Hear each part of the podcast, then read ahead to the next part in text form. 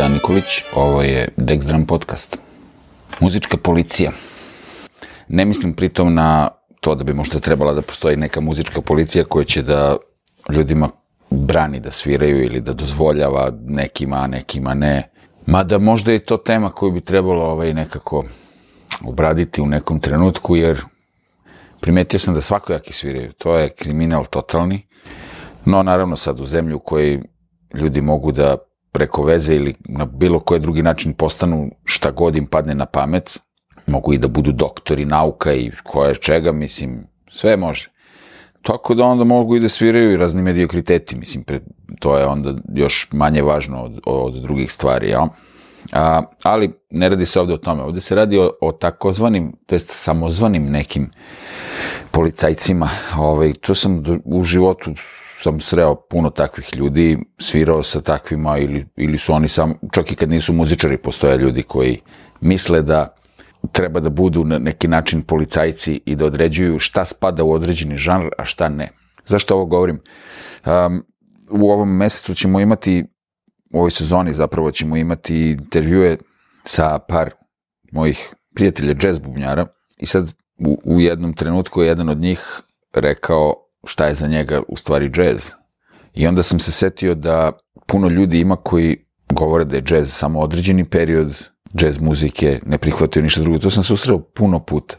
Čak ljudi koji su profesionalci i iskusni džez muzičari a, kod nas, to su neki ono komentari kao ne, ovo nije džez, kao Miles Davis posle, ne znam, 50. godina, to nije džez, on je počeo svira, ne znam, rock i tako neke gluposti. Uh, I onda je to kao, ono, strogo se zna, kao džez je samo od do, to je samo ta i ta faza džeza, ili ovaj, ili za bilo koje druge muzike, to, to takve tipove imate i u ono, rock muzici, heavy metalu, to je ono kao, e, samo prvi album Iron Maiden ili dru, prva dva albuma Iron Maiden, ostalo je sve zveze kao ovo je pravi metal, ovo nije pravi metal, ili ne znam, Metallica se prodala posle pa kako za koga, prvog albuma ili trećeg ili nemam pojma, četvrtog, petog, ima svako svoje faze kad se ko prodao i šta, to, šta god to značilo prodao, mislim. A, tako da, ovaj, malo, malo je to onako, i to i dan danas postoji, mislim, to sve vreme postoji. Ko smo mi da određujemo šta će neki a, artist da radi, mislim, artist, ono, umetnik, jel? Valjda je cilj svakog umetnika da stvara nešto što se njemu stvara, a ne da podilazi ukusima ili željama mase. I onda, normalno, mislim, ljudi prave ono što oni misle da, da treba, ono što oni osjećaju. Da li će se to nekom svideti ili neće, to ne bi trebalo da bude pitanje. Ali ko smo mi onda da određujemo šta spada u koju kategoriju? To je toliko smešno, a, jer valjda je sloboda umetničkog izraza nešto što bi trebalo da krasi svakog umetnika. Jer kad bi svi pitali narod šta treba da rade i šta treba da komponuju, da sviraju i tako dalje, mislim, pa to je bio potpuni haos. Ali, ali uvek imamo te ljude koji, koji su onako zadrti kao jao ne, kao nešto se sad tu promenilo i kao to ne sme da se dešava jer to onda nije pravo šta god, jazz, rock. Hoćemo li se ikad osloboditi takvih tipova? I takvog načina razmišljanja. E sad, pričao sam i u ovom podcastu, ne znam, na početku u prvoj sezoni o promenama i ovako jednako. Mislim, promene su deo, deo uh, života. Trebalo bi menjati stvari. Ali takođe smo kao ljudi veoma, veoma ovaj, tvrdi na promene. Ne želimo da menjamo stvari.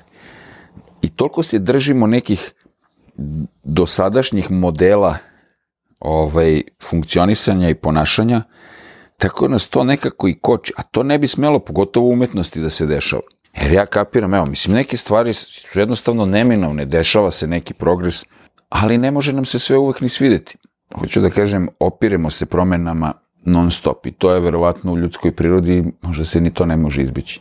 No, mislim, kad se radi o umetnosti, umetnici čini mi se trebalo bi da prate svoju neku zvezdu vodilju i mislim da menjaju stvari. U svom nastupu da je David Bowie pitao ljude šta treba da radi, pa mislim ne bi se mako, ono ne bi došlo ni do Ziggy Stardusta, a kamoli posle toga bilo šta drugo da radi.